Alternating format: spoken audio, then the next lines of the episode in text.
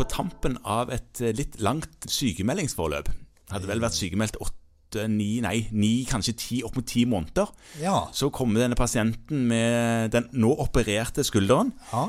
etter en eh, seneruptur oppi der, og sier at nå hadde han jo kommet på at dette skjedde på jobb.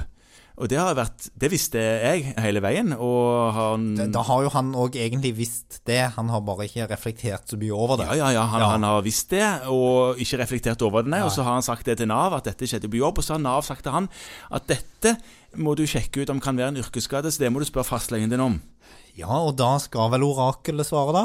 Orakelet skal svare, men eh, enkelte ganger så er det jo litt deilig å være orakel og vite at dette skal du ikke svare på. Nei, fordi at yrkesskade, det er det jo faktisk ikke vi som bestemmer. Det er et kryss på sykemeldingen, da. Ja, og det er litt sånn fordi at hvis du mistenker at dette er relatert til yrket, og er enten en yrkets sykdom eller en yrkesskade, så kan du gi beskjed til Nav om at de skal vurdere Ja. dette. Ja. Ikke du, men de.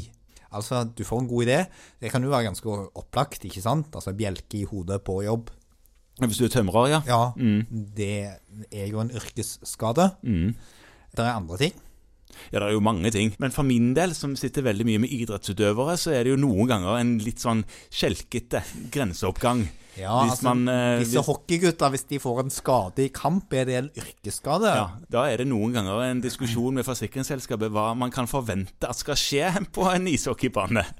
Eh, det, er, det er noen ganger Nav må opplyses om at eh, nei, det er faktisk ikke vanlig at dette skal skje. Nei, eh, men, men jevnt over, da, fordi de fleste pasienter ikke er profesjonelle ishockeyspillere, så er det sånn at hvis du blir utsatt for en ulykke på jobben, så skal det lages en skademelding. Dette har du sammen med din arbeidsgiver et ansvar for. Ja, det er du som pasient, Ja. ikke du som fastlege. Ikke være som fastlege, med mindre det er våre egne ansatte det handler om. Selvfølgelig. Ja. selvfølgelig. Og så er det Nav og arbeidsgiver og pasienten som skal utrede om dette er en yrkesskade, og i noen tilfeller en yrkessykdom. Mm. Og da er det veldig viktig å skille mellom akkurat det med yrkesskade og yr- yrkessykdom. Hvorfor er det et poeng? Fordi at en yrkesskade, da har det skjedd en akutt skadehendelse. Ofte da, Dette er jo veldig sånn flott definert med en ytre kraft eller et eller annet. Ja, Den bjelken i hodet. ja, som har påvirket deg. Det kan være mye videre enn man tror. Altså eksempel hvis man, hvis man er i en bilulykke, eller hvis det skjer et eller annet på jobben, men da er det en akutt hendelse. En yrkessykdom er mye, mye, mye mer krevende. For da er det en skadelig påvirkning over tid Som har ført til sykdom. som har ført til sykdom.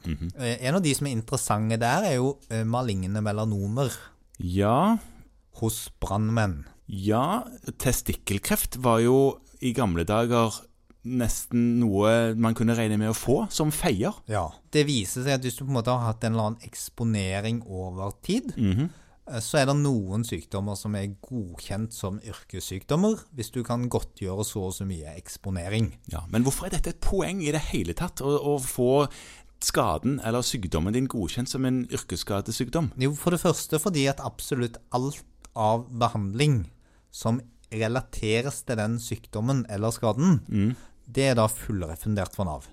På paragraf noe På paragraf noe helt for seg selv, så da legger du inn en sånn Det står, På regningskortet så står det yrkesskade. Det står Y, ja. Ja. eller yrkesskade. Så du må legge inn på en måte en sånn markør i journalsystemet ditt på regningskortet. Det som er viktig med den, er litt det samme som for gravide. Ja, altså Hvis de kommer for noe urelatert til graviditeten, så kan de ikke få det gratis. Nei, og akkurat som hvis de kommer for noen urelaterte yrkesskaden, så skal ikke det dekkes. Nei. Da skal de opptjene eget frikortbeløp for det. Nettopp. Det som også er viktig for mange fastleger å huske på, er det at det at det har skjedd en yrkesskade Altså når han kommer og har fått bjelken i hodet på jobb, så skal han betale for seg fram til Nav har godkjent det som en yrkesskade. Og så vil han få det tilbake igjen. Men det er ikke sånn at du kan sette regningskortet ditt til Y og kreve det fra Nav, for de vil bare si 'ikke registrert noen yrkesskade her', ferdig med det. Dette får du ikke godkjent. Sånn at det må foreligge et vedtak, og det vedtaket må du se før du setter det som yrkesskade. Ja. Eh, og det er ganske viktig. Så at pasienten mener at dette er en yrkesskade, at du er helt enig i, det holder ikke. Eh, det er Nav som gjør et vedtak på det. Men selve søknaden og den prosessen der er det ikke du som fastlege som er involvert i. Nei, det eneste du kan bli involvert i, er å fremskaffe journalopplysninger som er relevante, på en sånn vanlig forespørsel fra Nav. Ja. Og så må du jo svare på det, og da kan pasienten få et vedtak om at dette er en yrkesskade eller en yrkessykdom, og så tar det vedtaket med tilbake til deg, sånn at du får registrert det. Høres faktisk ut som noe som går an å forholde seg til som fastlege, til og med. Det gjør det.